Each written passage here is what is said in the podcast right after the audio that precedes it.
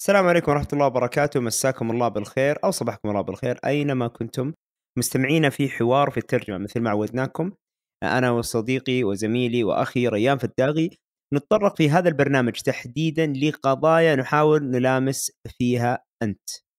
أنت يا من تستمعنا. نعم أنت. لا تأشر على نفسك ركز كويس وسوق السيارة عشان لا تصدم بعدين تقول فهد خلاني أصدم. طيب آه على طاري فهد خلاني أصدم. آه كثير آه يقول إن حلوة يقول صح؟ طيب كثير يقول إن المترجم مظلوم وإن هنالك كثير من الأمور اللي يجب أن تحدث ولكنها ما تحدث. كثير آه، مترجمين يرون إن المخصص المالي أو الراتب أو المقابل المالي غير منطقي. وأيضا كثير من المترجمين آه، يقولون إن ما في فرص كافية في سوق العمل. فاليوم سؤالي لريان وسؤال حلقتنا اليوم هل المترجم فعلا مظلوم أو في شيء آخر أو في يعني أمر ما انتبهنا له يعني يمكن ذاك الدرس كنا نايمين ما ما حضرنا له أو ما حضرناه وش اللي صاير؟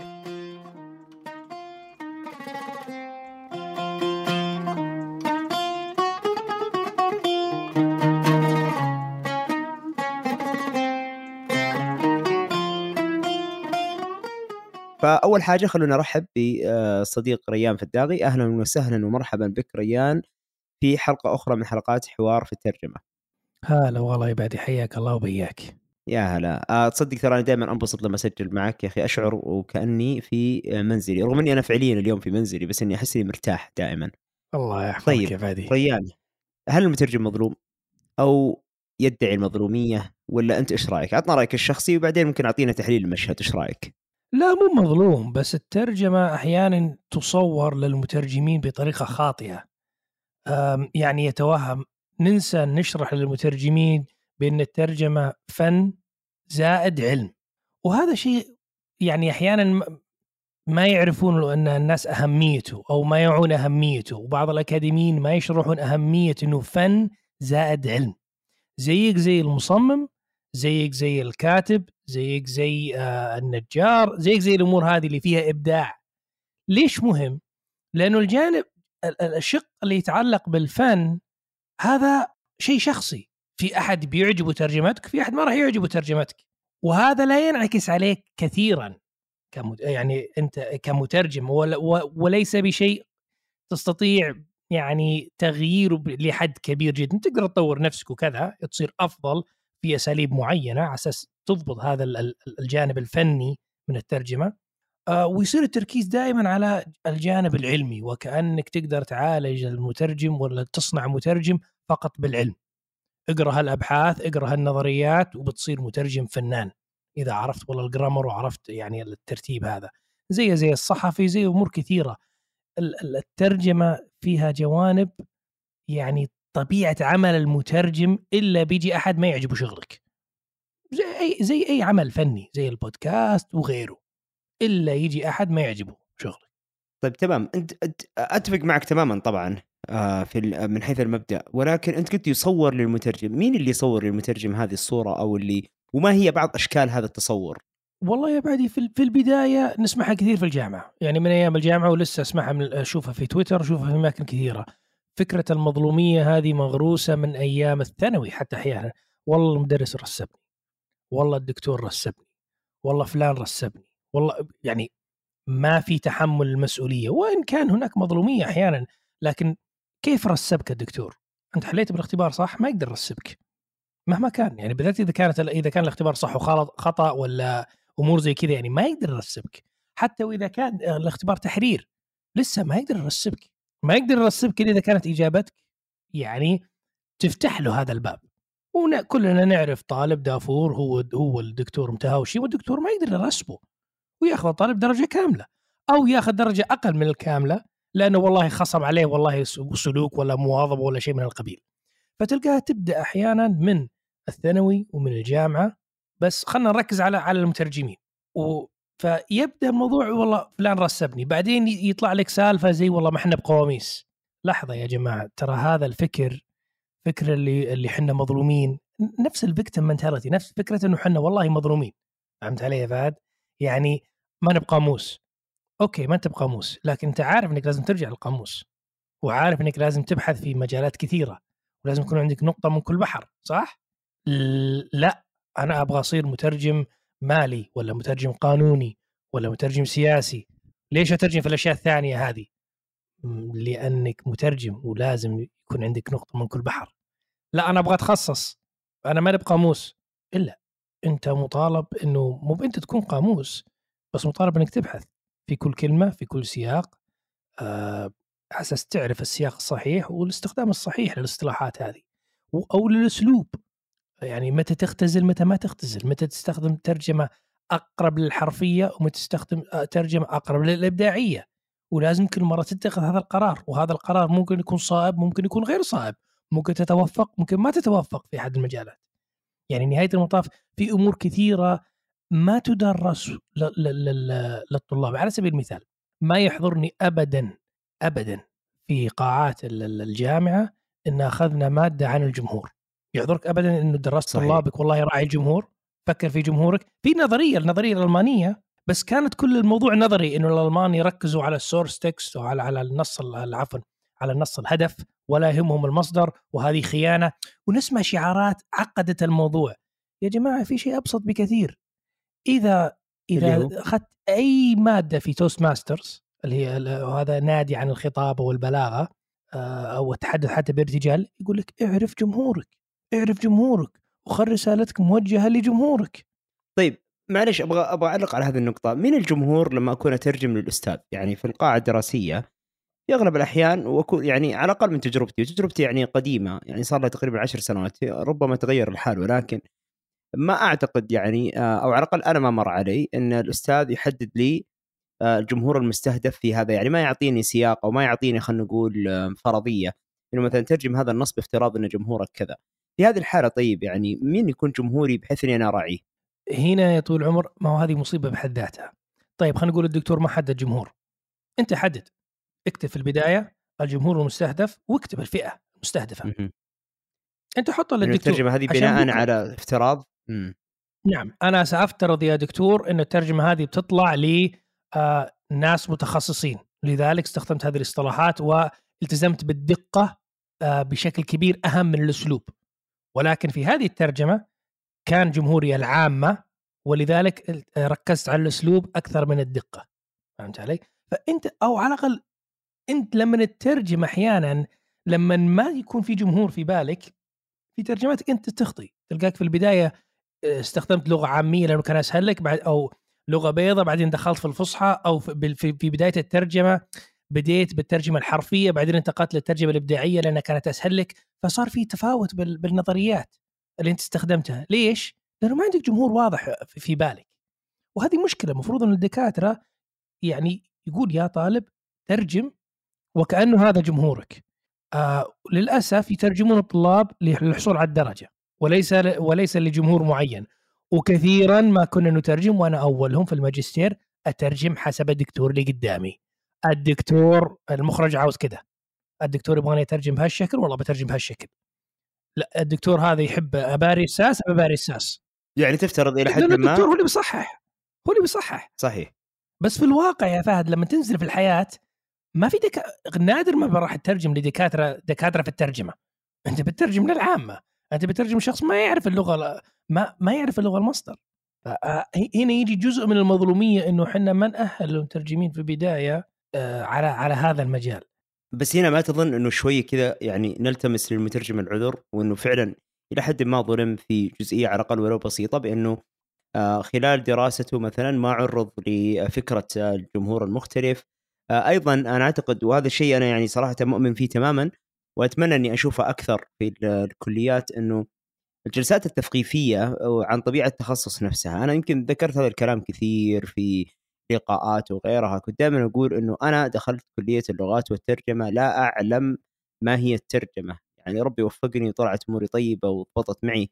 ولكن فعليا فعليا ما كنت إنه أنا يعني داخل تخصص ترجمة وأنا أعرف ما هو الترجمة أو ما هو تخصص ترجمة وإنها لغتين وإنها نقل ثقافة وإلى غيره. كنت أعتقد إنها يعني تخصص تخصصات اللغة أنا اخذه وخلاص شهادة وانتهى الموضوع يعني. آه، فالآن اللي أنا أؤمن فيه تماما أؤمن إنه مهم جدا خصوصا مع ارتفاع مستوى الوعي عند الطالب عند الأستاذ حتى آه، ومثل هذه الحلقات وغيرها من الأمور اللي قاعدة تحصل يعني من جمعية ترجمة وغيرها من الجهات آه، إنها أيضا تذكر الكليات أو البرامج بحد ذاتها إنه عليها دور إنها توعي الطالب وش طبيعة التخصص. على سبيل المثال أنا دائما أذكره سابقا وممكن أضيف لها نقطة جديدة هنا نقطة إنه ال ال مثلا هذا التخصص يعتمد على لغتين.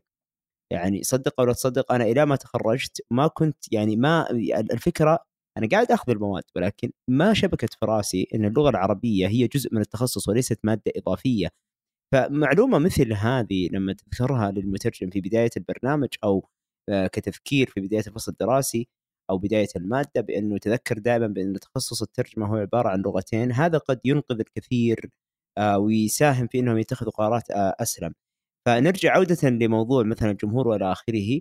ربما يعني نحث الأساتذة الأفاضل والأستاذات الفاضلات بأنهم دائما يركزوا على هذا الموضوع وأنهم يشرحوا أو حينما يعطى السؤال يعطى بفرضية الجمهور المستهدف. كذا نرفع الحجة على المترجم وإن شاء الله إنه يعني يستفيد منها بشكل أكبر. هذا البرنامج برعاية متجر المترجم. متجر المترجم كل ما يحتاجه المترجم وزود. من خلال متجر المترجم تستطيع الحصول على دورات تدريبية أو ورش عمل افتراضية تساعدك على تحسين مهاراتك في الترجمة أو حتى بدء العمل في مجال الترجمة. مو بس كذا، الآن حتى مقتنيات المترجم متاحة مقتنيات تحسسك بانتمائك لهذه المنظومة الرائعة مثل التيشيرتات وغيرها طيب آه، باقي شيء بتقوله في ذي النقطة ولا ننتقل اللي بعدها؟ إحنا الحين في الجامعة وإنه المظلوميات اللي موجودة في خلال دراسة الدراسة الجامعية. صحيح بس قبل ما نطلع من الجامعة آه، فعلا لازم الجامعات يركزوا أكثر على محاكاة الواقع سواء كان في الترجمة التتابعية أم الشفهية أم التحريرية المف... ينبغي أن يوضع, أن يوضع الطالب في بيئة حقيقية واقعية وليس في بيئة مصطنعة أعرف أنه هذا الأمر صعب ما هو ما هو, ما هو شيء سهل. بس في نفس الوقت لازم نراعي شيء ذا لازم نحاول قدر المستطاع إنه الطالب خلال سنوات دراسته في الجامعة يتمرس بطريقة تحاكي الواقع. حتى لو ما قدرت تسويه في الفصل الدراسي على الأقل يظهر للطالب وروا مقاطع في فيديو خلوا يحضر مؤتمرات خلوا يشارك. عندك أربع سنوات في الجامعة أو خمس سنوات أحيانا إذا كان لغات وترجمه آه، إذا استمرت خمس سنوات. يعني يجب ان يكون أن يرى الطالب بعينه البيئة الحقيقية للعمل. يعني يا فهد أنت كم مرة حضرت مؤتمر لا بوث ولا شيء؟ بالاخير تجلس جنب جنب الشخص وتهمس باذنه أو تيجي أنت ومعك أغراضك. أو ما في بوث أو خرب البوث تروح تلقاك قاعد تترجم برا جالس بين الجمهور. يعني ما أقول لك إنه هذا طبيعي بس هذا بيئة العمل. ولازم إنه يتعود المترجم على التأقلم على هذه المواضيع لأنه في العادة وهذه المشكلة لما لما ما تحدد الجمهور. وهذه مشكلة في الترجمه الشفهية أكثر من التتابعية. الترجمه الشفهية لما تترجم اللي جابك في العادة شخص رفيع المستوى شخص مهم. لأنك ما جيت تترجم لعامة الناس في العادة. في العادة أنت جاي تترجم لكبار شخصيات. فما في مجال إنك تقول والله ما راح أترجم. شكر الله. لا حتترجم. لأنه وراك ألف واحد يروحون في خرايطها إذا أنت ما ترجمت. فلازم تترجم. فلازم الواحد يتأقلم على المواضيع دي. حتى الترجمه الأشياء التحريرية كذلك لازم يحاكي الواقع. نعم ممكن يجيك مدير ما يحب اللغة اللي أنت تستخدمها. أنت تست... أنت قرأت كتاب قل ولا تقل وتجي تتنظر عليه تقول والله الصحيح أنك تكون أنا بصفتي مترجم وليس أنا كمترجم. يلا هيا. إيه لا تقول لا تقول مبروك مبارك أيوه الله عليك. طبعا صحيح لكن هذا ترى عندنا حتى في علم في, في البرمجة. يقولون لك أنت صحيح 100% ومطرود 100% ليش؟ لأنك ما راعيت الجمهور. نهاية المطاف الترجمة هذه لمين؟ ما هي ترجمتك أنت ما هي لنفسك. هي للجمهور. إذا الجمهور قال لك يا حبيبي قل كمترجم قل كمترجم. إذا قال لك تم تم تم كل شيء. تم تم تم تم تم. صح. ما عندك مشكلة. أي تم هذه كلنا متعقدين منها بس هذا الواقع. طيب على طاري الواقع وال ومحاكاة محاكاة الواقع. وما يدرس أو غيره يعني السنوات الدراسية اللي شد انتباهي نقطة أذكرني يمكن أول سنة كنت معيد فتفلسفت شوي أذكر وقلت القسم كانوا يتكلموا عن بناء برنامج الترجمة في جامعه جامعتي فكنت أقول إنه مهم إنه إحنا نخلي مكون شفوي في كل المواد لأن لا يمكن لا يمكن في الواقع إنك أنت تترجم نص من غير ما يكون في تواصل. في النهاية التواصل الشفوي هذا مطلوب. خصوصا إنه المواد التخصصية مثلا تذكر يمكن إحنا أبناء الخطة القديمة درسنا ترجمة النفطية ترجمة عسكرية ترجمة أمنية والتخصصات هذه. فكان دائما أقول إنه يجب انه يكون آه، فيه مكون شفوي في نفس ال يعني ال- المادة في كل مادة بحيث إنه ما تكون هي مواد منفصلة. والمواد المنفصله تركز على ال techniques أو الأساليب أو خلينا نقول الأمور الإضافية اللي آه، اللي يحتاجها المترجم الشفوي ولكن ك practice المفروض انه يم- يمارس الترجمة الشفوية في جميع التخصصات المهم خلاصة الفكرة أنه قالوا لي أنت يعني تعرف إيش معنى بيداغوجي؟ قلت لا أنا ما أعرف بيداغوجي قالوا تعرف إيش معنى البنية ال- ال- التعليمية وتصميم مناهج؟ قلت لا قالوا عندك يعني شهادة في تصميم مناهج؟ قلت لا والله أنا آسف آه، العجيب إنه أنثوني بيم اللي استضيف في آم، طبعا هو علم من أعلام الترجمة ومن الباحثين في آه، في في الترجمة آه، وتقدروا ترجعوا لمقطع اليوتيوب آه، لملتقى الترجمة الثاني اللي هو هذه السنة اللي حصل تقريبا قبل شهر آه، ذكر هذه النقطة حرفا وكان يسأل آه، أعتقد عن بنية المناهج فعليا فكان يقول آه، إنه كيف آه، إنه آه، لازم الترجمة الشفوية كانوا يقولون لك كيف نطور الترجمة الشفوية وإنها مطلوبة من الكلام هذا كله. فقال لازم تدخل في كل المواد وضرب لهم مثال قال أنا الآن أكتب أبحاث وأنشر وأخذت دكتوراه كتابة وإلى آخره. ولكن شوفني اليوم يوم بغيت مني شيء جبتني على المسرح خليتني أتكلم وليس أكتب.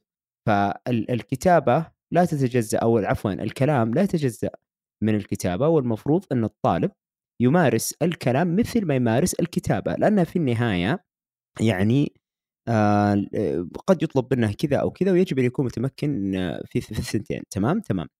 طيب آه الآن هل تعتقد إنه أيضا إنه المترجم ظلم إلى حد ما في إنه في خلال دراسته لما نقول محاكاة الواقع ما حكي له الواقع؟ لأنه يمكن انت تعرف ما في نص بالترجمه آه، تحريريا إلا إذا كان عن بعد والأشياء هذه. ولكن إذا كنا في عمل في سياق عمل قد يطلب منك ثلاث أربع ملفات ترجمها. بعد ذلك تعال ترجم شفوي بعدها ارجع ترجم تحريري. فما تعتقد إنه المترجم شوي هنا فعلا مظلوم وليس إنه يدعي مظلومية. لما يقول مثلا والله كان في قصور في جوانب محددة. وهذه المظلومية ممكن رفعها عنه بأنه آم، تقدم له المادة العلمية كما هي آه، كما يتدرب بنفس الكثافة أو حتى أكثر بعض الأحيان. على المكتوب أن يتدرب أيضا على المنطوق ورايك في الموضوع هذا تحديدا؟ خصوصا من واقع تجربة عملك. يعني أنا أعتقد إنه آه، أنت تعمل بشكل رسمي مترجم فبالتالي عندك تجربة إنه هل منطقي إنه الواحد يتخصص فقط تحريري أو فقط شفوي؟ علما إنه أنا على سبيل المثال أتجنب التحريري ولا أعتقد إني أتقن يعني ولا 40% من التحريري مقابل اللي يعني أتقنه أو تطورت فيه في الشفوي. فأنا يعني ماني ماني بعيد عن ال عن ال اللي اللي يتخصص في جهة من الجهتين ولكن أبغى رأيك. هذا يا طويل العمر من الأشياء اللي ما أقول مظلومية بس قد لا يوضح للمترجمين. مثل الحين الترجمة التحريرية أحيانا يدرس بدل ما يدرس ترى هذا ترجمة تأسيسية أو أساسية. اتذكر أشرف عامر عنده مقطع في اليوتيوب يتكلم عن الموضوع هذا يقول لا يوجد تخصصية يوجد ترجمة تأسيسية ثم ترجمة تخصصية بمعنى إنك تبحث وتتخصص وتترجم في هذا العلم. فاحيانا يوهم للطالب بما إنه في مادة اسمها الترجمة النفطية وفي مادة اسمها الترجمة العسكرية وماده اسمها الترجمة السياسية يوهم بإنه في الوظيفة هناك شيء اسمه مترجم سياسي متخصص مترجم. وهذا ليس صحيح. في الواقع ما هو كذا الدنيا. في الواقع أنت مطلوب منك تترجم في كل المجالات وتتخصص وتتبحر في مجالات معينة. فيكون عندك نقطة من كل بحر. بالنسبة يا طويل العمر للترجمة الشفهية والتحريرية الأمر كذلك. ما تقدر تقنع شخص غير متخصص إنك أنت رسام بس ما تعرف ترسم كذا. يعني أنا أنا رسام وجيه بس ما أقدر أرسم بيوت. لأنه بالنسبة للعامة ما يفرق بين الشفهي والتتابعي. عفوا بي- بين الشفهي والكتابي والتحريري. يا أخي أنت مترجم محر... تحريري صح؟ تعال ترجم شفهي شو المشكلة؟ كيف ما تعرف؟ أنا ما لك ترجم في مؤتمر ما لك ترجم فوري. لك ترجم تتابعي. ويرون إنه تتابعي هذا مفروض أي واحد يسويها. مفروض أي واحد عنده لغتين ناطق ناطق بلغة أخرى يستطيع أن يترجم شفهي تتابعي. ما بالك؟ مترجم تحريري متخصص. كيف تقول ما تقدر؟ طيب وانت وش تسوي في الورق؟ فهمت علي؟ صعب على غير المختص إنه يستوعب بإنك غير قادر على الترجمة الشفهية إذا كنت قادر على التحريرية والعكس كذلك. طبعا سألت سؤال قلت طيب هل هل المفروض إنه الطالب يتخصص؟ طبعا في أشخاص يميلون للشفهي في أشخاص يميلون للتحريري لكن نهاية المطاف لازم تكون قادر على الاثنين. يجب أن تكون قادر على التحريري والشفهي لأن أصلا التحريري يقوي الشفهي. والشفهي يقوي التحريري بس كل واحد يقوي جوانب أخرى. التحريري يقوي عندك قوة آه، سرعة البديهة عفوا التحريري يقوي عندك آه، التفكير البطيء التعمق التأمل التدبر في الكلام الدقة أوكي والبحث والحرفية. آه بينما الشفهي يطور عندك سرعة البديهة الاختزال وزي ما آه، اتذكر تكلمنا عنها في السابق اللي هي نظرية طيب أنا ما أعرف الأشياء تخصصي طيب كيف أقدر أرقى درجة في في ال- في العمومية؟ يعني ما أعرف هذه تويوتا طب أقول سيارة. ما أعرف سيارة أقول مركبة. ما أعرف مركبة أقول وسيلة نقل على سبيل المثال. يعني كيف إنك تصعد بالكلمة للشيء الأعلى منه من ناحية الصفة أو الصنف. فكل واحد يصب في الثاني. زي زي المها... زي كان يقول لك يا فهد أنا أعرف ونسمعها كثير يقول أنا أعرف أسمع إنجليزي بس ما أعرف أتكلم أو أعرف اقرا بس ما أعرف أكتب أو أعرف أكتب بس ما أعرف أتكلم. ما هو هذا يدل على وجود خلل عدم عدم اتزان في الموضوع. لما تختص باللغتين يجب أن تكون قادر كمترجم أو بصفتك مترجم إنك تكتب باللغتين تقرأ باللغتين تسمع باللغتين تتحدث باللغتين وتستوعب باللغتين. وأقصد بالكتابة التحرير. يعني تقدر أنت تصنع محتوى تعبر. اللي, اللي ما أخذناه في صف سادس السفينة السفينه جبل شو؟ اسال الجمل سفينة الصحراء. التعبير ضروري. يعني المترجم يجب أن يكون قادر على التعبير. وليس فقط نقل الكلام لأنك لازم تكون قادر على التعبير. أساس يكون عندك شخ... يكون عندك آه، أسلوب يكون عندك لغة خاصة فيك يكون عندك بلاغة خاصة في فهد. أي لا هذه ترجمة فهد. ليش تعرف أعرف من صوته من نبرته أو أعرف من أسلوب الكتابة؟ هذا أسلوب فهد. وبعدين أنت تكيف هذا الأسلوب على حسب الجمهور وعلى حسب أشياء أخرى. فقد يضلل المترجم لأنه يدرس في في في الجامعة إنه هذه مادة وهذه مادة. لكن الدكتور أو المهندس ما يقول لك والله ترى أنا درست رياضيات فبس ما أقدر أطبق الرياضيات في آه، الهندسة المعمارية والهندسة الكهربائية. هذه هذا تأسيس يقسم زي ما زي ما تفضلوا الدكاترة ينظروا عليه يقول لك بيداجوجي هل تعرف بيداجوجي والأمور هذه كلها يقصدون إنه أحيانا شر لابد منه يجب أن تقسم الشيء الكبير هذا إلى مواد صغيرة بأمل إنه إذا قسمت إلى مواد صغيرة يسهل يسهل الاختبار عليها ويسهل نقل هذه المهارة. المشكلة إنه نادرا ما الجامعة يضعون شيء يجمع بين هذه المهارات. تراها أحيانا في جامعة الإمام لأنه كانوا يطلبون منك تطبيق. وش الفائده من التطبيق؟ أن تجمع كل الأربع سنوات والمواد التأسيسية هذه وتبدأ تطبقها في أرض الواقع. السنة اللي يحضرني ما يحضرني الآن جامعة الملك سعود إنه وبلاش نتكلم عن الجامعات باسمها بس كثير من الجامعات ما في سنة تطبيق أو ما في مواد تطبيقية تجمع كل المهارات اللي أنت تعلمتها كل مادة تنجح فيها يلا مع السلامة المادة اللي بعدها فما ي... فقد لا يعتقد المترجم إنه قاعد يبني مهارة شاملة. يعتقد إنه قاعد يبني مهارة جزئية أو تخصصية. وهذه مشكلة. بالذات إذا أخذ درجة عالية في الترجمة خلينا نقول التحريرية ودرجة ضعيفة في الترجمة الشفهية فبيتجنب الشفهي. أو أخذ درجة عالية في الترجمة السياسية وضعيف في الترجمة العلمية. بيبدأ يركز على السياسي وكأنه ما يحتاج يشوف الترجمة العلمية. فهذا يمكن جزء من المشكلة إنه ما شرح أو أوهم المترجم وكأنه في تخصص. وبكرة بتتوظف بالتخصص هذا. يعني أنت الآن توجه المستمع آه، خصوصا دارس الترجمة إنه لازم يفرق بين الواقع وبين الجامعة من ناحية إنه في الجامعة المهارات أنت مطلوب منك فعلا حتى في الجامعة مطلوب منك تتخصص في كل حاجة وإنك تعرف كل حاجة.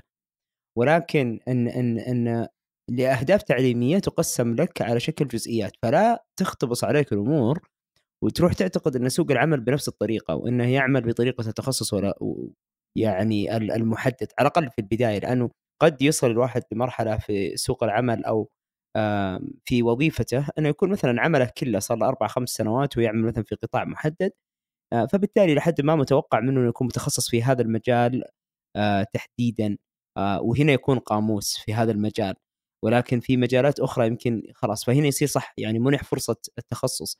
ولكن في طبيعة الأحوال ما راح تعلن وظيفة إلا نادرا بأنها تكون مثلا مطلوب متخصص مثلا تجاري أو قانوني أو غيره آه، ولكن قد تمنح تفضيلات طبعا مثلا في مكتب المحاماة راح يفضل المترجم اللي عنده خبرة في الترجمة القانونية أو خلافه. طيب ما تعتقد إنه هنا أنت أنت ذكرت نقطة التعبير والقدرة على التعبير وإلى آخره، بس هنا كأنك رجعتني لفعلا المترجم ظلم في انه أصلا منح فرصه إنه يدرس تخصص الترجمة آه، حال إنه ما عنده بعض المهارات الأساسية أو ما عنده حتى prospects أو ما عنده خلينا نقول آه وش انت ترجمونها وش تقولون هذه بالعربي prospects إيش يسمونها؟ آه ما عنده حظوظ أو فرص آه مثلا أو ما عنده حتى المهارات الأساسية اللي يحتاجها كمترجم.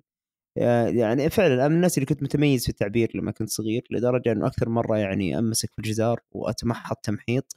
يقول ليش تخلي أمك تكتب لك؟ يقول يا ابن الحلال عويض الله منك ما عندي أخت. وأمي ما تكتب لي مي فاضية لي يا أخوي. أنا والله اللي كاتب. وترى صارت معي يمكن مرتين أذكر مرة في المتوسط ومرة في الابتدائي. يقول لي طيب يلا أكتب قصة ثانية يعطي لي فكرة وأكتب له. فالتعبير فعلا خدمني كثير في في في تخصص الترجمة لأنه كان دائما يعني خلينا نقول اللي اللي يثنى عليه في ترجمتي انه والله واضح إنك أنت تعبر إنك فاهم وإلى آخره. أيضا طبعا القراءة قدر الله علي وطحت في القراءة يعني في نهاية الثانوي وأيام الجامعة كنت أقرأ بكثافة.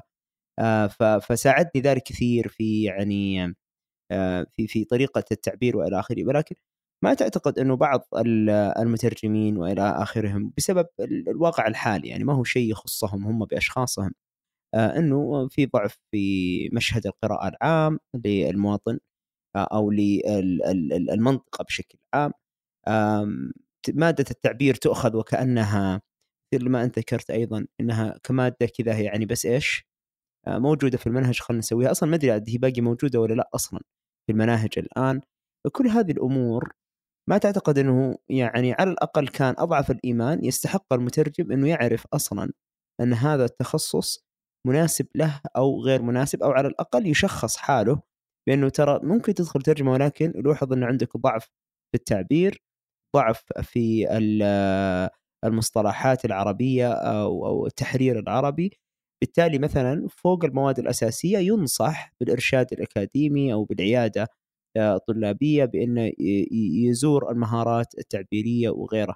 هنا أنا أرى أنه هذا فيه جزء يعني منطقي من إنه لما يجيك مترجم يقول أنا ظلمت في خلال دراستي الجامعية أنا أرى إنه معه حق. إذا ما حد قال له إنه تراك يا حبيبي ما تعرف تكتب كلمتين عربي. ما تعبيرك يعني يبغى له شغل. ف آه، يا إنك تغير تخصص يا إنك تجتهد اضافيا مثلا واعطائه الموارد مثلا اللازمه أو حتى إرشاده لبعض الأساتذة آه، اللي ممكن يرشدونه. اعتقد يعني صراحة هنا لما يجيني مترجم يقول أنا ظلمت مثلا في هذا الجانب أنا أرى إنه يعني ادعاءه منطقي فما أعرف أنت كيف شايف الموضوع من طرفك؟ ما زلت أتذكر أحد الدكاترة يعني كان عنده تعبير جميل في هذا الجانب. قال في في الإعدادي اللي هو في الابتدائي والمتوسط والثانوي أنت تلميذ تتتلمذ على يد معلم. بينما في الجامعة إحنا وش نسميكم؟ طلاب. أنت تطلب العلم. أنت الآن طالب. 80% من الجهد عليك 20% علي أنا يا المعلم أنا يا الدكتور.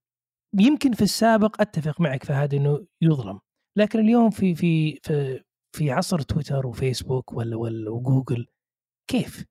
أنت الحين لو بغيت تعرف لو بغيت تعرف عن أي موضوع بتروح تبحث لو بغيت تشتري جوال بتروح تبحث لو بغيت شيء بتبحث في الإنستغرام وفي تويتر وفي كل شيء وفي في, في سناب شات وبتطلع الجواب اللي اللي أنت تبغاه صح ولا لا طيب الحين في تخصصك أهم من أهم القرارات تاخذها بحياتك ما تبحث ما تبحث في تويتر عن الناس ما تقرأ في المنتديات ما تبحث في سناب شات ما تبحث لك عن منتدى كذا تشطفهم. لو تشتري سيارة ما تروح تجربها ما تقرأ ما تقرأ عنها ما تشوف قطع غيارها ما تشوف صياناتها ما تشوف الأمور هذه كلها إلا. طيب نفس الشيء ما أنت معذور اليوم؟ معذور أول في السابق؟ إيه لأنك أنت في بيئة جامعية وكل اللي حولك نفسك. تتعلم من وين؟ والدكتور عبارة عن قد تخاف منه أو تهاب منه أو ما يعطيك معلومه لكن أي شيء ثاني في حياتك هل بتعذر نفسك؟ لو رحت الآن وشريت شيء قيمته في السوق فعليا 100 ريال وشريته أنت ب 1000 ريال ولا 2000 ريال ولا 3000 ريال بتروح تقول أنا كنت مظلوم؟ يا أخي ليش ما بحثت؟ ليش ما دريت إنه هذا إصدار عام قارون؟ يعني مو مو معقولة العذر هذا ما عاد ما عاد تقدر تلتمسه للناس. يعني ال ال ال كيف ما كنت تدري؟ ابحث. كان لقيت الجواب بكل سهولة. فهنا نوعا ما لا. يعني عليك أنت طالب. أنت جيت للجامعة عارف إنك بتكرس خمس سنوات أو أربع سنوات من حياتك وبعد الأربع خمس سنوات ممكن تعيش طوال حياتك تشتغل في هذا المجال بناء على الأداء اللي أنت أديته في الجامعة. عاجز انها تسألك سؤالين ثلاثة على وش طبيعة العمل؟ وش اللي موجود؟ لا سيما الجامعات في تقدم ملحوظ في ال- اللي يسمونه آه، مؤتمرات التوظيف والأمور هذه الجوب فيرز والامور هذه صاروا في نوع في, في حراك شوي. والمترجمين موجودين في السوق. يعني موجودين في تويتر موجودين في أماكن كثيرة. فهنا لا ما أعذر ما أعذر الطالب المبتدئ لأنه ليش ما بحث عن الموضوع؟ لو بيشتري سيارة صدقني بيروح يسأل كل واحد معه نفس السيارة وبيسأل عن هالسيارة. صح ولا لا؟ طب تخصصك ما سألت عنه؟ يعني ما أشوف إنه عذر مقبول. أنا بعدي لك هذه لأنه يعني فيها فيها منطق كثير فعلا.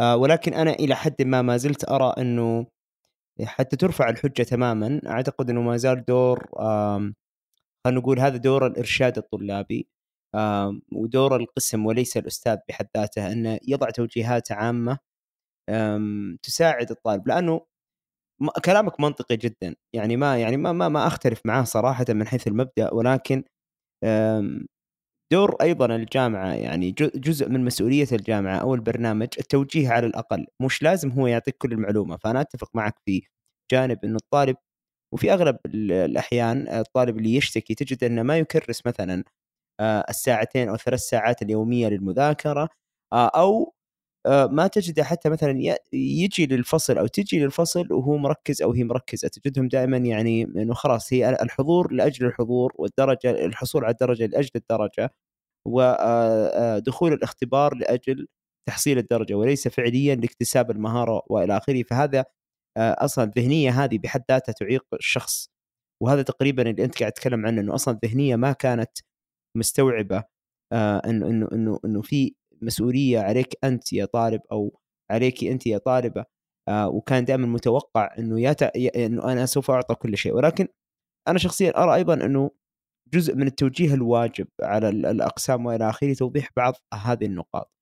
آه، قبل ما نطلع من ال- ال- ال- ال- الجامعة ودي تعطيني آه، تصورك في المدينة الفاضلة للطالب المثالي أو خلينا نقول الذهنية المثالية اللي على الأقل أنت تعتقدها أو تتمناها لنفسك. كونك طالب ترجمة يعني إذا دخل حال إنك كنت في في محل طالب ترجمة وش تعتقد إنه الذهنية أو ال tips and tricks اللي ممكن تخلي الطالب يستفيد من هذه التجربة أفضل استفادة؟ بحيث إنه بدل ما نقعد إحنا نكرر ونذكر آه، ونردد يعني ما يقال أو ما يحصل أو ننتقد خلينا نحاول نظهر كذا بنموذج نقول والله شوف يعني سمعت الحلقة آه وسويت لايك على ال ال ال ال أو قيمت الحلقة في برنامج البودكاست المفضل لك آه ترى هذه يعني بعض الأشياء اللي إذا سويتها ممكن تتحسن فرصك وتجربتك العلمية أو ال- ال- التجربة الجامعية بشكل عام إيش رأيك؟ أعطينا كذا يعني المدينة الفاضلة كيف ممكن يبدو فيها طالب الترجمة؟ طيب ليش أنا اخترت المظلومية في الترجمة؟ لأنه أرى أنه فكرة الم- المظلومية هذه تضر المترجمين أكثر من غيرهم. المظلومية موجودة في كل التخصصات بس يضر المترجمين أكثر من غيرهم. ليش؟ لأن في الترجمة لازم تتعامل مع الظلم ب... ب... ل- لدرجة كبيرة.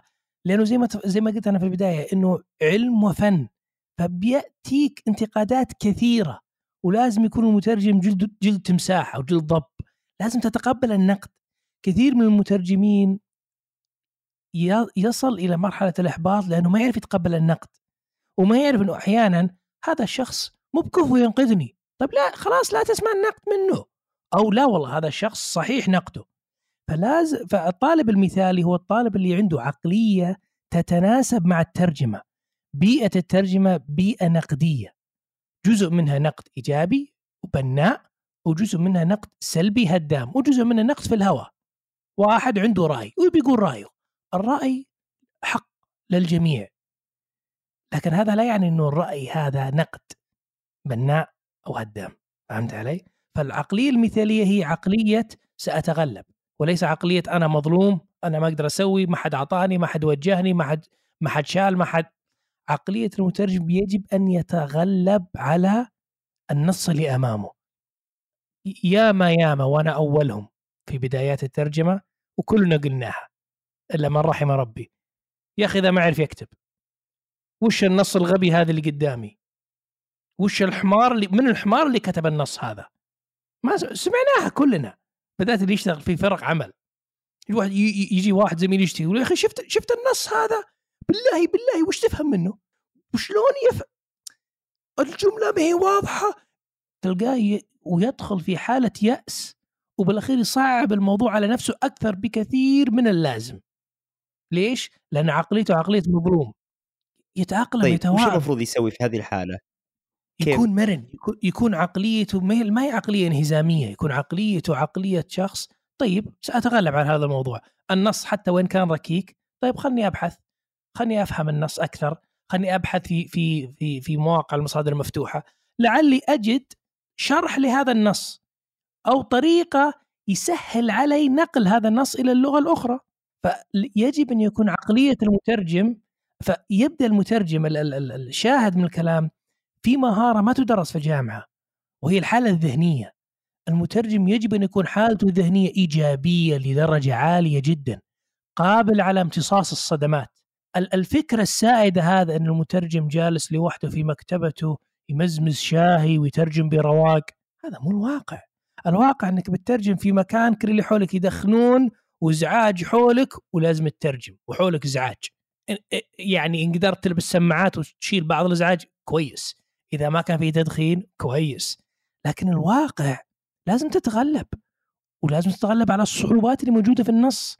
فإذا كانت العقلية عقلية مظلومية وانهزامية سيصعب عليك الترجمة وستحبط.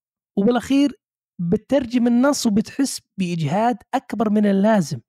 لأنه ذهنيا صار أصعب عليك العملية. فالمثاليه في هذا الجانب إنه إنه المترجم يعود نفسه ذهنيا على تقبل هذه الأمور وأنه يتغلب على هذه الصعاب لأنه بيمارسها بيشوفها دائما وبيشعر بإحباط لأنه بيجيك نصوص ضعيفة بيجيك نص مو ضعيف بس أنت ضعيف في هذه المادة. طيب أنت في البداية بديت معي كويس يعني إنه إنه إنه آه ذكرت إنه يمكن أهم حاجة ذكرتها إنه الواحد يجب إنه يحاول آه إذا واجهته هذه الصعاب حتى يكون إيجابي أكثر اولا يجب عليه إنه يحاول يفهم بعمق أكثر بدل ما يتأفف من النص يحاول إنه مثلا يحاول يفهمه أكثر ذكرت إنه يبحث آه أكثر عنه. أعتقد إلى حد ما كأنك تقول إنه أيها المترجم صح صح ترى النص اللي معك ما هو إلا أحد المدخلات. وبإمكانك أنت بصفتك آه، مترجم أو بخبرتك الترجمية إنك أنت أيضا تضيف سياق أو أو تضع النص هذا في سياق من خلال البحث والفهم.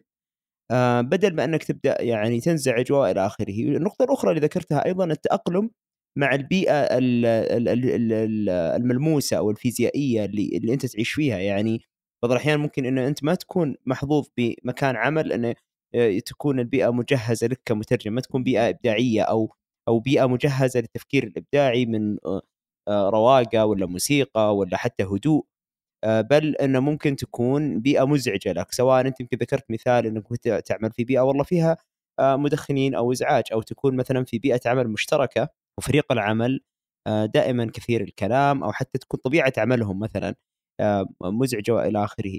فالآن عندي أنا شغلتين على الأقل طلعت فيها كنصائح موجهة لل إنه للمترجم إنه الجزء الأول على جانب آه، تعاملك مع النص إذا جيت تتعامل مع نص لا تنسى يا أخي إنه هو جزء آه، من لا يتجزأ من سياق اللغة فبإمكانك تبحث وتستزيد وإلى آخره تضيف أنت سياقا لهذا النص. الجزء الثاني زي ما ذكرنا إنه لا تفترض أن بيئة العمل سوف تكون آه، مثالية وفي كل الأحوال في كل الحالتين إنه حاول إنك أنت تتغلب على هذه الصعاب عشان خاطرك عشان خاطر نفسك أو يا يا مترجم يعني مش إنه عشان أحد ثاني حتى تستطيع إنك أنت تنتج نص أفضل. طيب هل آه، في شيء تحس أيضا ممكن يساعد المترجم إنه يعني يتعرف على أيضا أمور أخرى ممكن تحبطه وكيف يتجاوزها؟ في شغلتين بس إنها نوعا ما سفسطة فلسفه ما لها داعي اللي هي قولها قولها الجمهور يحدد الجمهور يحدد. في اختبار اللي هو النماذج الخمسة الشخصيات الخمسة لل Big Five مارو. في في في عندك برضو اختبارات ال IQ يسمونه معدل الذكاء أحيانا. مع إنه ما هو معدل ذكاء بقدر ما هو اختبار يساعدك على تحديد التوجه المناسب لك ولشخصيتك. اللي ياخذونها أحيانا توجهك يا تدخلك في الترجمة لأنه لك ميول كبير وستنجح في الترجمة. والترجمة ستثريك أو يبعدك عن الترجمة لأنه ميولك خارج هذا الشيء. وثبت علميا بأنه هذه هذا الاختبارين يستطيع أن يوجه الشخص للمكان المناسب اللي يستطيع أن ينجح فيه. لكن هذا يعني نظري جدا. آه، بخلاف ذلك الواحد يجرب يكون صادق مع نفسه. أنت أفضل ناقد لنفسك لازم تكون صادق مع نفسك قبل كل شيء. هل أنت فعلا تحب الترجمة وما تحب الترجمة؟ مشكلة الترجمة إنها مسيرة لمدى الحياة. الترجمة من التخصصات اللي لازم تبتل تمارسها وتبتل تتطور فيها. ما هي من التخصصات اللي إذا أخذتها خلاص تنام عليها. هو تخصص يجب أن تستمر في القراءة وفي البحث وفي الاطلاع إلى أن تموت. دامك تترجم لازم تتثقف وتقرأ وتطلع. وهذا فيه مجهود كبير. بعض الناس يقول يا أخي ما أبغى هذا المجهود. أنا أبغى اصقل نفسي في الميدان اصقل نفسي في الوظيفة الأولى. وهذه في بعض المجالات موجودة لكن في مجالنا ما هو موجود. في الترجمة أنت اللي لازم تبحث وتقرأ وتستمر في الاطلاع. وهذا بعض الناس ما يفضل هذا الشيء ما يحب هذا الشيء. يرى أنه هذه مشكلة بالنسبة له. يا أخي أبغى أروح أنبسط. هذا مو مو بشيء أنا أرتاح له. طيب ما في ما في طيب وش يسوي؟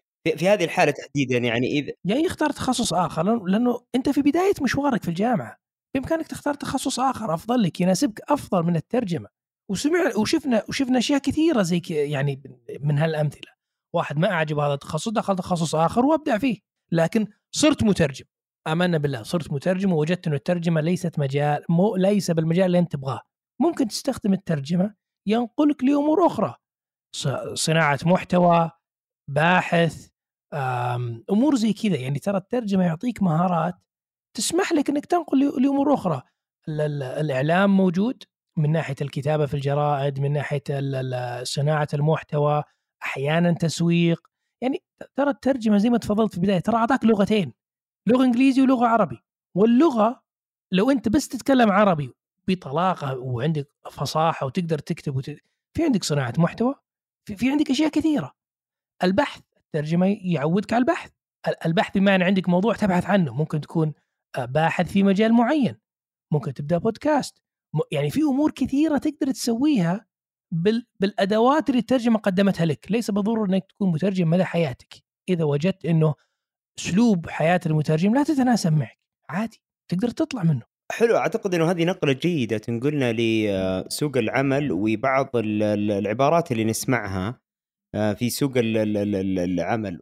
آه، أنت ذكرت يمكن الآن في معرض حديثك إنه كيف إنه المترجم أو تخصص الترجمة لا يؤهلك فقط أنك تكون مترجم بل ممكن يعطيك آه، عدة مهارات ولكن هي مسؤوليتك أنك تحدد أو أنك تتعرف على هذه المهارات الموجودة عندك. يعني فرضنا دخلت تخصص ترجمة لسبب من الأسباب وتخرجت بهذه الشهادة وفلنفترض كذا يعني جدلا أنك ما حصلت على خلينا نقول فرصة العمل كمترجم سواء لمتغيرات سوق العمل في وقت تخرجك أو حتى ممكن يكون سببها إنه أنت تفتقد لبعض المهارات اللي مطلوبة الآن في سوق العمل للمترجم بحد ذاته مثلا تقنية. إيش هي المهارات اللي أو أو خلينا نقول التوجهات اللي ممكن يتوجهها المترجم؟ وهذه راح تنقلنا لسؤال راح أسألك إياه بعد شوي بس ودي كذا أنت الآن أعطيتنا كتابة محتوى آه وأعطيتنا قلنا التحرير آه والتدقيق أعتقد والمراجعه أنت ما ذكرتها ولكن يعني أوحيت فيها.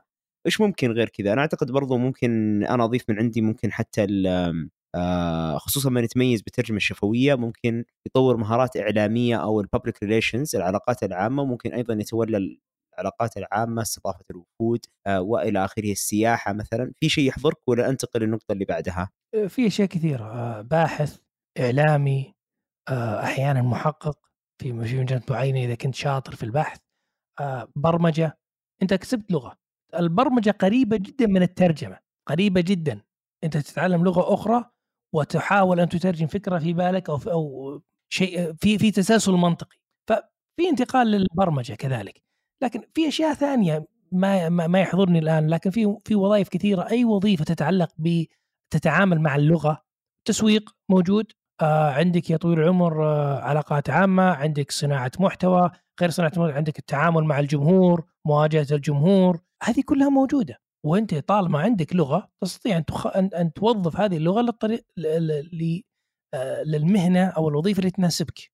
طيب تمام. خلينا ننتقل الآن نأخذ هذا الكلام نفسه ونطبقه للجزئية اللي بعدها. الحين إحنا ذكرنا عدد من المهارات اللي يتأهل فيها المترجم بطبيعة التخصص وبإمكانه يعني انه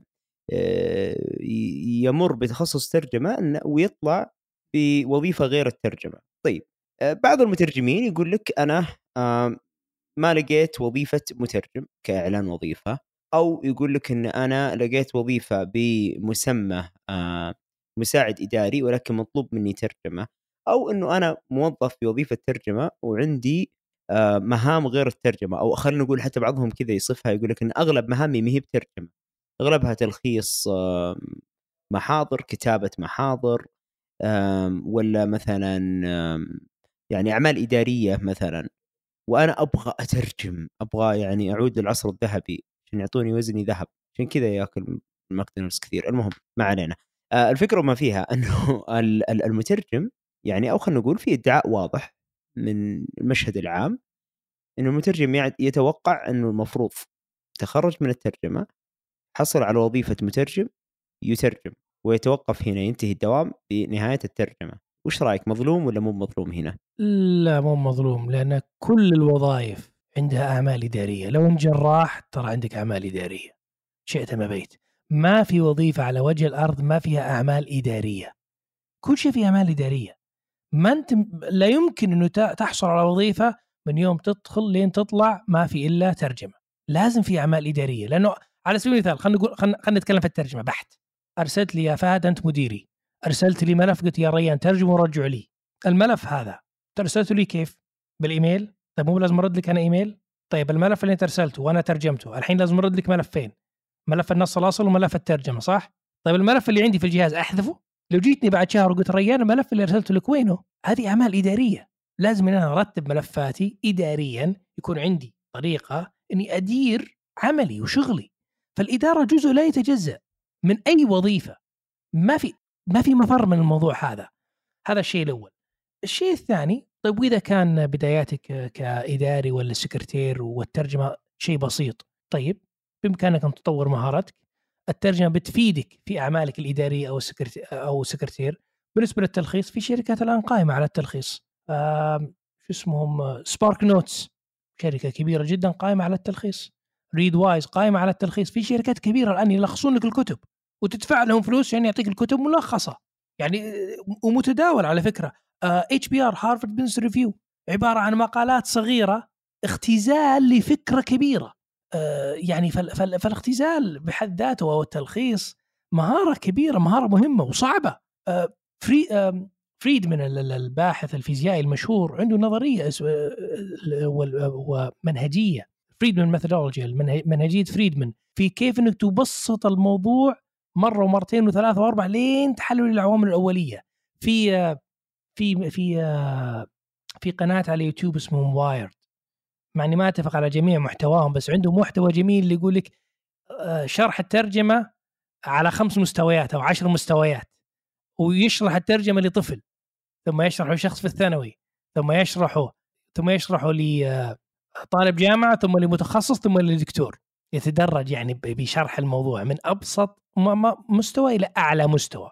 ما أشوف إن هذه فيها ظلم. كلنا ننزل لل... ننزل لأول وظيفة ونصطدم بالواقع. ساعات العمل ما هي من 9 إلى 5 ليه؟ لأن دوامك ساعة ونص عن بيتك. تقوم الله يهينك بدري تصلي الفجر تروح الدوام. ومو محسوب لك. وتطلع من الدوام خمس؟ لا.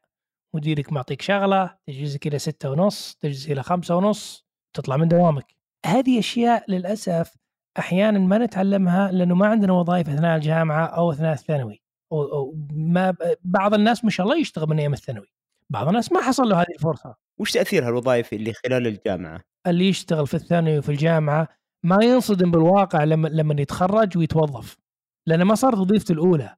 قد عنده خبرة وعارف إنه بيجيك مدير اليوم منفس وبكرة فرحان وعندك وش اسمه عندك موظفين بعض الموظفين مثابر ويشتغل وبعض الموظفين مثل قلته وانت تشيل شغله هذا طبيعي هذا طبيعي ولا يلام أحد. فهذه من الأشياء اللي ما يستغرب اللي اللي يشتغل في ستاربكس ولا جرير ولا Mac ولا Burger King ولا شيء أي شيء من هالأشياء آه، في الثانوي أو في آه، في في في بداية الجامعة ما ينصدم بالواقع لما يدخل الوظيفة.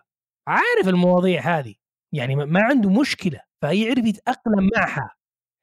بس يعني هذه الوظائف اللي انت ذكرتها آه، طبعا أنا أتفق معك من حيث المبدأ. أنا شخصيا كنت موظف طول عمري تقريبا يعني آه، خلينا نقول طول حياتي كواعي كإنسان واعي وأنا أعمل. آه، فما أختلف معك تماما. ولكن كيف ترى أنها ممكن مهارات مثلا الواحد يكتسبها في مطاعم في كافيات وإلى آخره تسهم في إنه يكون مترجم أفضل أو إنه يكون موظف أفضل في المستقبل. يعني ودي تشرح أنا أنا طبعا أتفق معك تماما بس ودي آخذ وجهة نظرك إنه كيف كيف ممكن أقنع شخص إنه أنت تخصصك ترجمة المفروض إنك تكتب تقرأ تلخص تبحث ولكن صدقني أو ثق فيني لما أقول لك إنك لو اشتغلت في هرفي ولا ماك ولا في أي مكان من ال- الجهات اللي تقدم فرص العمل للطلاب إنها راح تكون إيجابية لك تحديدا يا مترجم طيب بكل بساطة المترجم يتعامل مع اللغة صح ولا لا؟ كل ما واجهت الجمهور تتواجه الجمهور بإيش؟ بلغة. اللغة هذه أنت تبدأ تعرف كيف هل هل حجتك كانت قوية ولا ضعيفة لما حاولت تقنع مديرك إنك تبغى تاخذ إجازة؟ أو تبغى تغير آه، دوامك من صباحي إلى مسائي أو شيء من هالقبيل؟ أو واجهت جمهور. أسلوب طريقة كلام الناس سواء كتابة في الإي في, في الإيميلات في المراسلات الداخلية أو أثناء الكلام معك. هذا كله ما هو لغة أنت سلاحك اللغة. فكل ما مارست الناس واحتكيت معهم في بيئات مختلفة لغتك مع أصدقائك غير لغتك مع الدكتور غير لغتك في سوق العمل. هذا كله يكسبك مهارة وصوت داخلي. بكرة لما تيجي تترجم محتوى آه خلينا نسميه تسويقي وأنت اشتغلت في مكان يسو... كمسوق تعرف اللغة المستخدمة الدارجة اللي تجذب هذا هذا الشريحة من الناس. فهذا هذه المهارات الناعمة مهمة جدا أو المهارات الاجتماعية. يعني ال- ال- معالي الوزير السواحة لما طلع في مقابلته الشهيرة الآن أكثر كلامه لما سألوه عن وش أهم الأشياء من أهم الأشياء اللي ذكرها هو ال- ال- ال- المهارات ال- ال- ال- يسمون المهارات ال- الناعمة المهارات الاجتماعية. قدرتك على اكتساب الناس. جزء من جزء من المترجمين أحيانا يقعون في مشاكل لأنه يعتقد المترجم بأن الترجمة عمل فردي وليس جماعي. لذلك أنا ما أحتاج فهد وفهد ما يحتاجني. طز بفهد. طيب بكرة جاء وثيقة كبيرة ما راح أحتاج فهد؟ ما راح يحتاجني؟ إلا نحتاج بعض. طيب إذا ما عرفنا نتعامل مع بعض أو إذا أنا ما أبغى أنقذ فهد لأنه ما أبغى ينقذني تصير مشاكل. لازم يكون عندك طريقة للتعامل مع الناس. أنت نهاية المطاف مترجم تتعامل مع اللغة. ليش تتعامل مع اللغة؟ للتعامل مع الناس. فلما تشتغل في ماك وهيرفي والأشياء هذه يكسبك ثقافة ويكسبك آه، انخراط مع المجتمع يساعدك بكرة لما تكتب يساعدك بكرة لما تمارس ويساعدك بكرة لما تسوق لنفسك. بكرة يا فهد لما تدخل مقابلة وظيفية أو تدخل تبغى تقنع الناس يشتغلون معاك بدل غيرك لما تدخل في بالذات في مجال ال- الأعمال الحرة بيساعدك كثير. لما تعرف تنظم وقتك تعرف تقنع الناس تعرف تسوق لنفسك. هذه كلها مهمة فكل هالمهارات بتفيدك في الترجمة. أنا أتفق معك تماما. أنا يمكن من تجربتي أكثر شيء تعلمته في في العمل آه، أول حاجة إنه آه، بالنسبة لي يعني طبعا مثل أي شخص في العالم آه، طبيعة الحال وقعت في أخطاء عدة ولكن الحمد لله إني وقعت في هذه الأخطاء في وظائف مثل ما كنت أشتغل في جرير في هرفي حتى في الحراسات الأمنية تعلمت منها. فكل هذه ال- ال- الفرص كنت يعني أقل شيء يمكن كسبته إنه سمح لي أو أتيحت لي الفرصة إني أقع في خطأ تواصلي غالبا يكون تواصلي ولا أقع فيه وأنا يعني في وظيفة رسمية أو وظيفة تهمني شخصيا اللي ما أبغى أفقدها أو حتى بعض الأحيان ما لها بديل. فأنا أتفق معك يعني كثيرا هنا خصوصا المهارات ال- التواصلية والتواصل مع الجمهور. ولكن يمكن النقطة اللي ما شعرت فيها ما شعرت أهميتها آه، إلا بعد آه، يعني مرحلة من متقدمة من أنا وأنا أعمل في منظومة أو بعض الأحيان لما لما آه، أعمل مع مترجمين أو مترجمات بشكل عام. لاحظت إنه تعلمت كثيرا إنه العمل الجماعي والفردي للأمانة ما ما شفت إنه كثير يعني مو شخصيا ما مريت عليه في تجربتي إني أنا تعلمته من الميدان. آه، ولكن لاحظت مثلا فكرة كيف أهمية فكرة أنك أنت يجب أن آه، تتبع حتى تتبع. فكرة أنك أنت آه، كثير من الأحيان يجب حتى وإن لم ترى المنطق فيما يعني تؤمر فيه من مديرك أو مشرفك وإلى آخره آه، قد يتحتم عليك أنك أنت تمشي معاهم وبنفس طيبة وأنك تقدم هذا العمل بطريقتهم. لأنه في النهاية اللي يقول لك أنا أبغى الخبرة أو وإلى آخره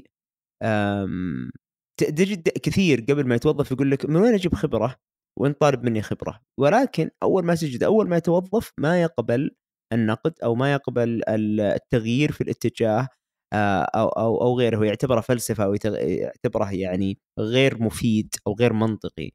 طيب سؤال بس بسيط كذا جدا نمر عليك يا صاحب المنطق، كيف حددت إنه منطقي أو غير منطقي وأنت أيضا وأنت في نفس ألو... في نفس الوضع تعترف بأنك أنت جديد وغير عندك يعني أو ما عندك خبرة.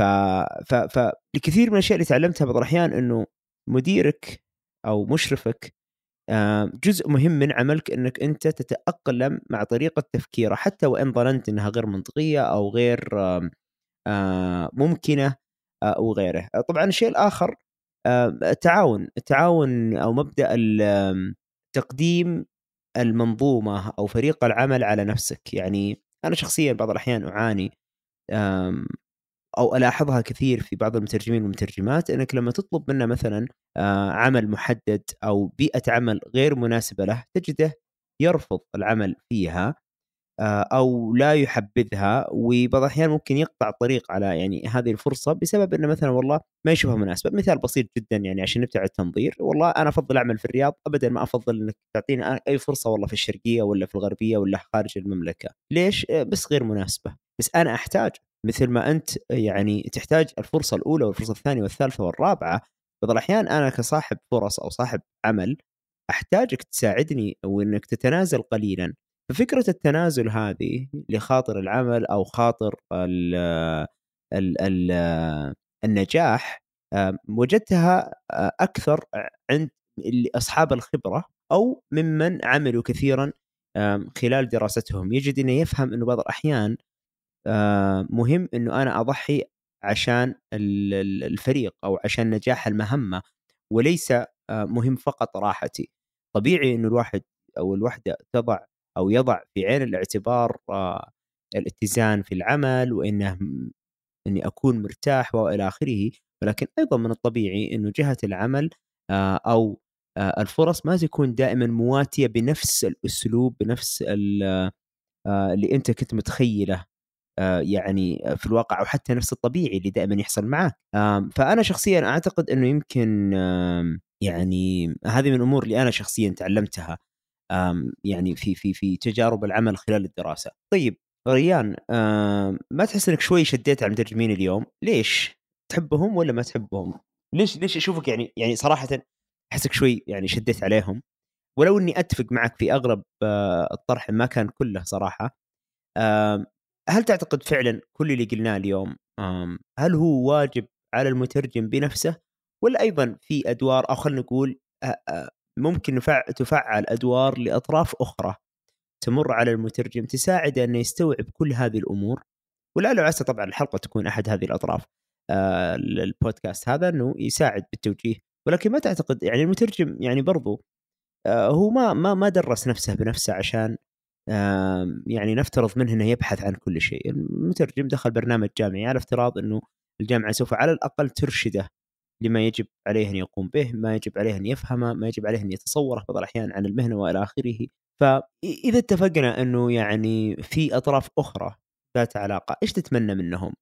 لو كنت لو قلت لك يا ريان ارجع لسنوات الجامعة وبصف وبعد خبرتك الآن وبعد أيضا اطلاعك على تجارب الآخرين إيش الجهات اللي كنت تتمنى أن ترى منها يعني إحسان أكثر أو عمل أكبر؟ وإيش ممكن تكون هذه الأمثلة؟ يعني لو تعطينا برضو الجهات هذه آه، وإيش ممكن يكون دورها أو كيف ممكن يكون دورها مفيد أكثر؟ لأنه ما ننكر جهد الجميع ولكن ممكن تكون في أمور نقصت وكان أثرها أكبر. طيب آه لا ما ما ما ما بكون نشاد على المترجمين يعني لولا حبي لل- للترجمة والمترجمين لما قلت الكلام هذا. وأنا من الناس اللي يؤمن بأنه هل تبغى مستقبلك بإيدك ولا بإيد غيرك؟ إذا كنت تؤمن بأنه مستقبلك بإيد غيرك والله يكون بعونك. يعني إحنا ما, ما, ما طبعا أنا ما أتكلم على القضاء والقدر هذا أمر مسلم. لكن أتكلم عن مستقبلك والأمور هذه يجب العمل بالأسباب. فإذا أنت سلمت نفسك لمفهوم المظلومية دائما في دائما في بعبع وأنت مسكين مظلوم دائما هذه مشكلة. عمرك ما راح تنجو بنفسك. أنت غرقان في البحر وما راح يغرق إلا أنت. ما في أحد يعني بيجي يجبر مصيبتك. فهذا السبب اللي أنا أتكلم هذا الموضوع. بالنسبة لل- اللي كنت اتمناه أمر بسيط. ولا أدري ليش ما يصير الآن. الجامعة ما هي قادرة إنها تعطي كل طالب وصف وظيفي. اطلب يا جا... اطلبوا يا جامعات من الجهات الحكومية والجهات الخاصة وصف وظيفي للمترجم. ما أنت طالب ادخل على LinkedIn واطبع وصف وظيفي.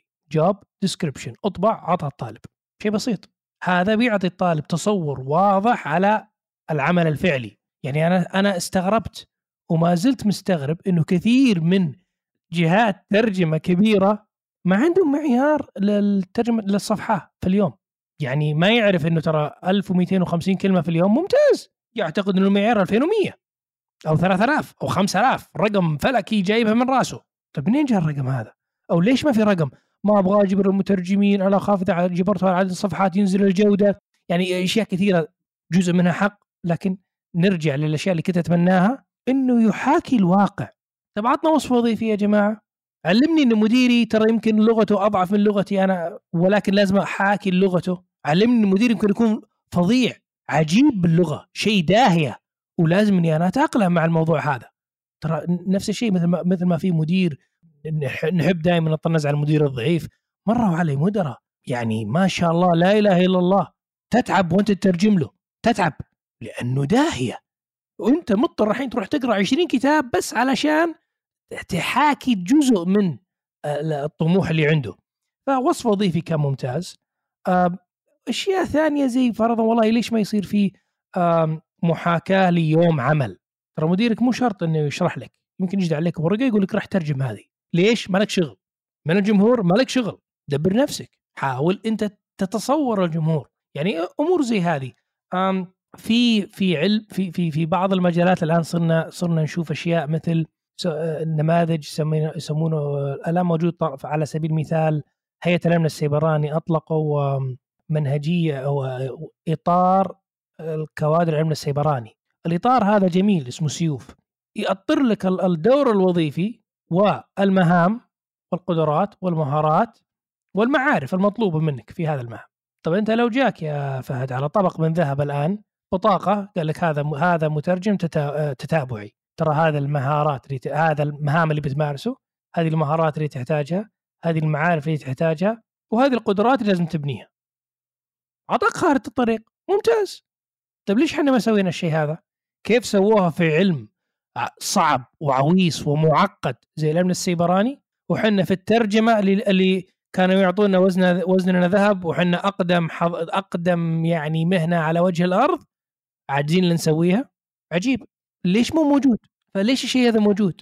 فللأسف في الجامعات في تركيز كبير على وكأنه كل اللي بيتخرجوا بيصيرون دكاترة أو بيصيرون باحثين في مجال الترجمة. طبعا هذا مجال مهم جدا لكن في نفس الوقت ليش ما في التركيز على بيئة العمل واللي مطلوب في بيئة العمل نهاية المطاف الطالب ما يجي للجامعة عشان العلم لا نلعب على بعض الطالب جاء للجامعة ليش؟ يبغى وظيفة هذا ال ال يعني هذا الواقع ما جاء ما جاء عشان والله يطور نفسه ولا يستفيد جاي يستفيد ويطور نفسه عشان يبغى وظيفة يبغى ياكل عيش ما جاء كذا من باب الطاقة يبغى, يبغى والله يتعلم ويتبحر ويصير آه هذا جزء بس الجزء الأهم يبغى وظيفة يبغى يحصل وظيفة. طيب ليش ما نحقق للطالب الشيء هذا في الجامعة؟ وهذا دور. كأني أستشف الآن من كلامك هنا.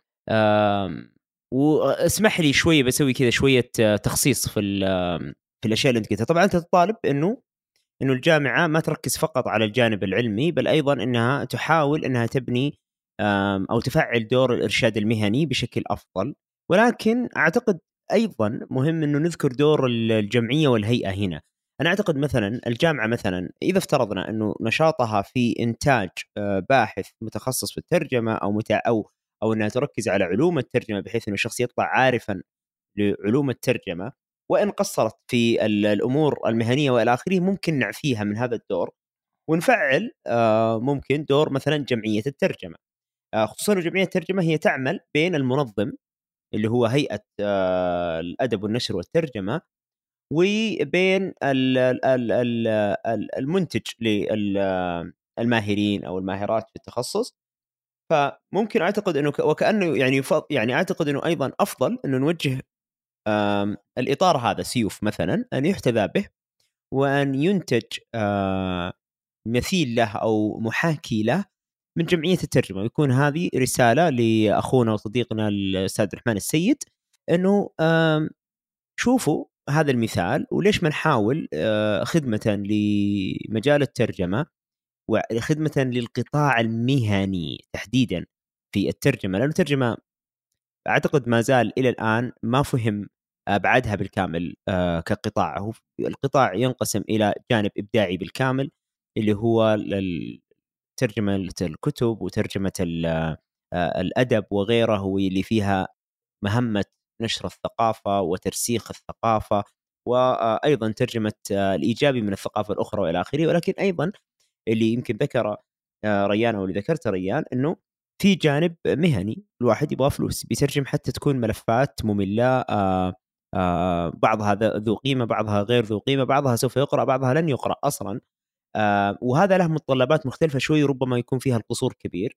فليش ما جمعية الترجمة مثلا آه، تتولى التنسيق مع الجامعات ومع أصحاب العمل واجراء مسح شمولي لكيف أصلا يعمل المترجم.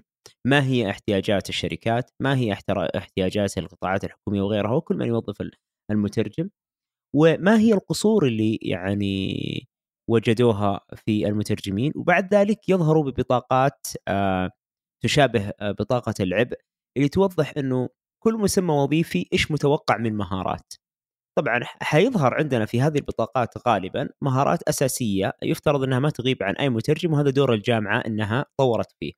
وحتظهر مهارات أخرى اللي حتكون آه، مثل المهارات الناعمة اللي هذه مسؤولية المترجم أو الطالب إنه يبحث عنها ويتطور فيها خلال دراسته خصوصا بعد ما يعلم إنه ترى في سوق العمل أنت تحتاج التكملة هذه الإضافة هذه ثم ربما وهنا يجي دور الجمعية الحقيقي بعد ما يعني تنتج هذا المنتج بإمكانها أيضا محاولة تمريره للجامعات بحيث إنه يعمم أو إنه يعتمد أو حتى يطلع أو أعتقد من أدوار الجمعية إقامة الفعاليات داخل الجامعات وتوضيح هذه الأمور وهذه المنشورات ونشرها للطلبة. ما تتفق معي إنه كذا ممكن يكون توقعنا منطقي أكثر بحيث إنه ما قلنا الجامعة الجامعة الجامعة ولا قلنا الموظف الموظف الموظف بل حاولنا إنه إحنا يعني نقسم بين وش دور الجامعة وإيش اللي ممكن لو سوته فهو خير وبركة آه، وأجر على أجر وإيش الأمور اللي لو ما سوتها المفروض الآن مع وجود بعض الكيانات اللي هي تعتبر قطاع ثالث أو قطاع غير ربحي بإنه هذه مسؤوليتها مثل الجمعية. وطبعا المنظم دوره أعتقد إنه يتعدى آه، مجرد الوظائف وغيره فما أحب إني أتطرق له ولا أعتقد فعليا إنه له دور الآن مباشر مع مع الطالب تحديدا. آه، على الأقل في في ظل وجود الجمعية. فما أدري وش رأيك في يعني خلينا نقول ال paraphrasing أو أو التخصيص اللي أنا سويته بعد كلامك؟ هل تحس إني أنا ماشي معك على نفس خط السير ولا بعد شوي؟ لا لا على نفس خط السير. في في موقع بس ما يحضرني الآن. آه ما يحضرني الآن اسمه لكن في موقع حصر أعمال الترجمة بس هذا يركز على برا يعني في أمريكا حصر أعمال المترجم أو سواء كان شفهي أو تتابعي في أمريكا في الخارج. يمكننا نسوي شيء شيء مشابه. ونعم هذا قد يكون أفضل آه، إنه يتعامل معه جانب مهني. لأنه الجامعة بيقول لك والله أنا ما هو ما هذا مو تخصصي. أنا مركز على تخصصات جامعية وهذا وهذا شأني. أما شأن بيئة العمل وسوق العمل هذا ليس شأني. ولا ولا هو بشيء أنا أصلا أبغى أدخل فيه. أتفهم هذا الشيء. آه ويمكن لازم إنه ناخذ زمام الأمور ونركز على الموضوع. والموضوع هذا مصفوفة الصلاحية مع مصفوفة الجدارة يسمى أحيانا مصفوفة جدارة لما تبنيه تبنيه مرة واحدة بتحدثه مرة بالسنة. على الأقل يعطي الطالب تصور. إيش المهارات اللي هو لازم يبنيها عنده؟ وهذا شيء إيجابي. يعني فأتفق معك نوعا ما أنه ما نبغى نحط على الجامعات أعباء فوق طاقتها. نهاية المطاف جزء منها يقع على الطالب وجزء منها يقع على الجامعات المهنية وجزء منها يقع علي وعليك. يعني على مجتمع الترجمة إنه ينهض بنفسه كذلك ونبدأ نساعد بعض. يعني أنا معجب كثير بمجتمع المبرمجين. مو لاني أحب البرمجة أو لأني أحب التقنية لأن مجتمع المبرمجين عجيبين. انت ما تفهم شيء في البرمجة تدخل في مجتمعهم تبدأ تفهم كل شيء في البرمجة. Stack Overflow أشياء عجيبة. مجتمع حيوي ويحيي يعني يحيي يحيي نفسه. المترجمين كذلك في في أجزاء ترجمه مستوى حيوي جدا سواء على ProZ وغيره. ويساعدون بعض ويتعاونون مع بعض. فنقدر نسوي نفس الشيء إحنا. بس يبغى لنا بس نركز على أشياء أكبر وأشمل. وليس فقط والله ترى هذا اصطلاح ولا ترى عندي مكنز لغوي ترى عندي قاعدة بيانات هذه أشياء مهمة. لكن في أشياء ثانية نقدر نسويها في بيئة العمل سواء مشاركة تقنيات سواء مشاركة أو عقدنا لدورات سواء بودكاستات زي هذه تثقيفية أمور كثيرة حنا يا مجتمع الترجمة يجب أن ننهض أن ننهض بأنفسنا وننظر لتجربة غيرنا ونحاول نحاكيها. فنعم جزء من جزء من العبء أو ليس كل العبء على الجامعة جزء من العبء علينا إحنا يا المجتمع وجزء على على على جمعية الترجمة. ريان أخذنا من وقتك تقريبا ساعة وربع يمكن أكثر. أعتقد إنه الحلقة هذه خلاصتها بإنه آه نقدر خليني أنا بلخص بطريقتي وبعدين feel free أو خذ راحتك إنك تقول لي يا فهد. لا فينا أنت يعني ضليت الطريق. صواب. أنا أعتقد إنه يمكن اللي أهمية الحلقة اليوم تكمن في إنه من غير الصحيح إنه إحنا نقول إنه المترجم دائما مظلوم أو الطالب الترجمة مظلوم آه، بل أن هناك عوامل أخرى يجب أن تؤخذ بعين الاعتبار سواء من طرف الجامعة أو من طرف آلية قبول الطالب أو توضيح مسار الطالب ثم بعد ذلك إلى الإرشاد اللازم من الجامعة نفسها ثم ننتقل للطالب نفسه إنه خلال هذه الرحلة ويمكن أنت ذكرتها بصريح العبارة تذكر بأنك أنت راح تمضي أربع إلى خمس سنوات داخل هذه الكلية متخصصا أو متخصصة في هذا التخصص، فبالتالي إذا ما راح تعطيها الآن وقتك وجهدك وتركيزك متى؟ ولا تنتظر لما تتخرج وتعتق وتكتشف أنك ناقص مهارات وناقص آه مثلا آه أهلية لمهنة الترجمة فيجب أن تطلب العلم حلوة تطلب جت يعني كذا بالتركيز الكامل. تطلب العلم طلبا وإنه مش لازم إنه الأستاذ أو الأستاذة في القاعة الدراسية يعطيك كل شيء. فهو محدود بمحدودية سياقه وسياقه هو المنهج أو المادة نفسها وأنت عليك إكمال الفراغ الباقي. وهذا هنا نرفع عنك يعني الحرج ونقول لك إنه ترى هذه مسؤوليتك أنت كجزء من الباحث. ثم بعد ذلك انتقلنا لنقطة الحديث عن إنه لا تعتقد إنه بيئة العمل راح تكون مثالية أو كما وصفت في القاعة الدراسية بيئة العمل متغيرة بطبيعة المهنة أو بطبيعة حتى الإندستري أو المجال اللي تعمل فيه. آه، لربما توفق في وظيفه في مكتب وزير وربما توفق في وظيفة تكون آه، اعتيادية في مكتب إداري لا أحد من الفريق يفهم الترجمة. والأهم من ذلك بعض الأحيان قد توفق في وظيفة تكون أنت الوحيد المترجم أو المترجمة وبقية الفرق تعمل آه، يعني في أعمال أخرى. فهنا يجي حتى دورك أنت التثقيفي ل آه، جهة عملك وإنه كيف يفترض أن يكون العمل والى آخره. ولكن الأهم اللي ركزنا عليه كثيرا إنه لا تحبط لا يعني تجعل أو تجعلي من الأمور اللي تصيبك في العمل من مثلا غير منطقية ال- ال- ال- الرئيس أو فريق العمل أو حتى التسهيلات المتاحة لك أو حتى الرفض المستمر لبعض طلباتك لا تخلي هذه الأمور تضغط عليك وتخرجك من الفورمة. الأهم من ذلك قلنا دائما إنه من المهم ومن الأفضل إنك تنخرط في بيئات عمل اعتيادية بعيدة عن تخصصك خلال دراستك حتى تمتص أو تتعرف أكثر على نفس نفوس الناس سواء اللي تعمل معهم أو حتى اللي تقابلهم آه، لأنك قد تعمل لاحقا في وظيفة تحبها أو تناسبك ولكن تجد إن الضغط عالي فيها سواء بسبب كمية العمل أو سبب نوعية الجمهور أو سبب نوعية ال- الزملاء أو الزميلات أو المطلوب. فلذلك أنت تحتاج يا عزيزي المترجم ويا عزيزتي المترجمة إلى رفع وعيك نفسك بنفسك حتى الآن. آه، اثنين تحتاج أيضا أنك آه، ترفع حس المسؤولية الموجود لديك لأنه راح يساعدك لاحقا في تقييم الأمور بميزان أفضل. آه، ثلاثة آه، ضع آم، الحياة الواقعية آه، آه، كمنطق وليس النظرية أو ما توقعته أن يكون الأصل. فحاول تقلل من المفروض كان يكون المفروض كان يكون والمفروض يكون لأنه في أغلب الأحيان يجب أن تكون أو تكوني أنت التغيير أو انت التغيير. ممكن أنت اللي تدخل بيئة العمل هذه وتغير كل هذه المفاهيم.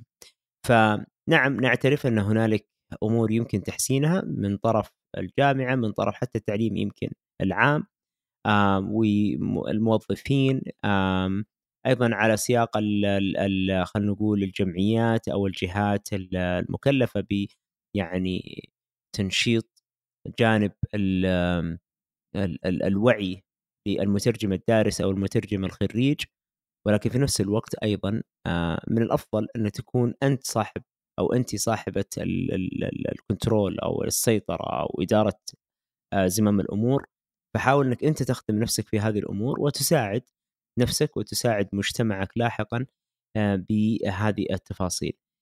آه هذا اللي يعني الملخص اللي أنا وصلت له يا ريان فما أدري إذا حاب تختم بحاجة أو تعلق على اللي أنا قلته. بس إضافة بسيطة إنه في فرق بين الوظيفة والمهنة عادي جدا زي انت الظاهر في نص الحلقة تكلمت عنه طيب جاني وظيفة بس ما فيها ترجمة. ارفضه اقبل الوظيفة.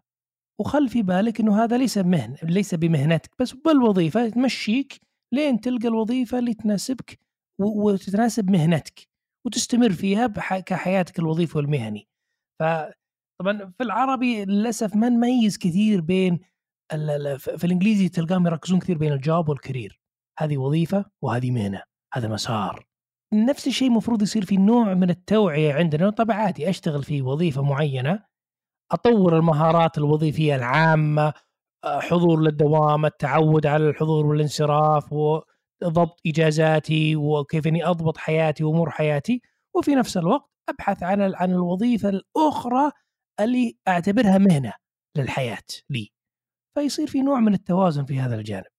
ممتاز. غير كذا أتفق معك تماما يعني من ناحية تلخيصك للموضوع إنه آه، حنا يا مجتمع المترجم ومترجمين آه، ما هو ما حنا ما حنا مظلومين أكثر من غيرنا وفي نفس الوقت آه، في نوع من الظلم بس إنه لازم إن ننظر بعد هذه الأمور ونعمل بما لدينا بدل ما نتذمر بما ليس لدينا. طيب في ختام هذه الحلقة اللي أنا أتمناه من كل مترجم وكل مترجمة آه، يسمعونا الآن أنه يذكروا يمكن أهم نقطة يمكن ذكرناها حتى الآن اللي هي نقطة أنه ترى جزء من الحل أنت أو أنت حاول أنك أنت إذا حليت مشكلتك حاول ترجع تعمم آه، طريقة ال- ال- الحل. لاحظوا يمكن أنه في خلال تغطيتنا للحوار هذا أو الكلام هذا آه، ما ذكرنا أو ما يعني ما أعطينا حل مثالي لأنه لا يوجد فعليا حل مثالي. وربما المشكلة هذه اللي نتكلم عنها الآن وبالجهود اللي موجودة من هيئه الادب والنشر والترجمه آه، أو جمعية الترجمة قد أيضا تحل وتظهر أخرى إنه كل فترة أو كل مرحلة حتى وإن صلحنا بعض المشاكل أو العيوب راح نرجع نركز على الأولويات الأخرى. فاللي اليوم مو بأولوية بكرة بيكون أولوية. فالأفضل إنه إحنا نخرج بموديل أو بنموذج إنه على الأقل المترجم في خدمة المترجم. فمتى ما حلت آه، متى ما وجدت حل حل لك مشكلة أو ساعدك في الخروج من معضلة آه، حاول إنك أنت أيضا تشارك ذلك من باب نشر المعرفة وأخذ الأجر وأيضا من باب إنه إحياء الثقافة السليمة أنت في النهاية ما تتمنى إنه المشكلة اللي أنت واجهتك ووجدت وقت أو خصصت لها وقت لحلها إنها تواجه أخوك أو أختك صح ولا لا؟ فبالتالي خلونا أيضا يعني نحيي أكثر قضية آه، خدمة الترجمة وخدمة القطاع وخدمة فريق العمل وأيضا نشر المعرفة والحلول اللي وصلنا لها بعد آه، التعب اللي إحنا يعني آه، خضناه. كنت معكم أنا فهد الهذلول ومعي هنا أخي وصديقي ريان فداغي اللي دائما يكرمني صراحة بوقته وبأفكاره أنصحكم صراحة إذا استمعتم لهذه الحلقة يمكن ذكر كثير من البرمجيات أو المواقع وأيضا ذكر بعض من الاقتراحات والحلول تجربوها. فريان أنا اعرفه عن قرب يعني شخص مختلف عن كثير من الناس اللي أعرفهم. مصادره مختلفة في طبيعة الحال طبيعة عمله أو طريقة عمله دائما تكون مختلفة وخلاقة. فلذلك أنا أعتقد إنه بعض المشاكل اوريدي أوجد لها حل. وذكرت فالاجتهاد في ممكن البحث عنها وتتبعها قد يرشدك لحل إحدى هذه المشكلات. أتمنى إنه إحنا قدمنا لكم حلقة فيها نوع من أنواع الإثراء فيها تسليط المجهر على إحدى القضايا. وبكذا نكون ختمنا الحلقة الرابعة من حوار في الترجمة. ونشوفكم بإذن الله تعالى في حلقات قادمة وأنتم بكل خير. دمتم بود. نشوفكم بإذن الله تعالى.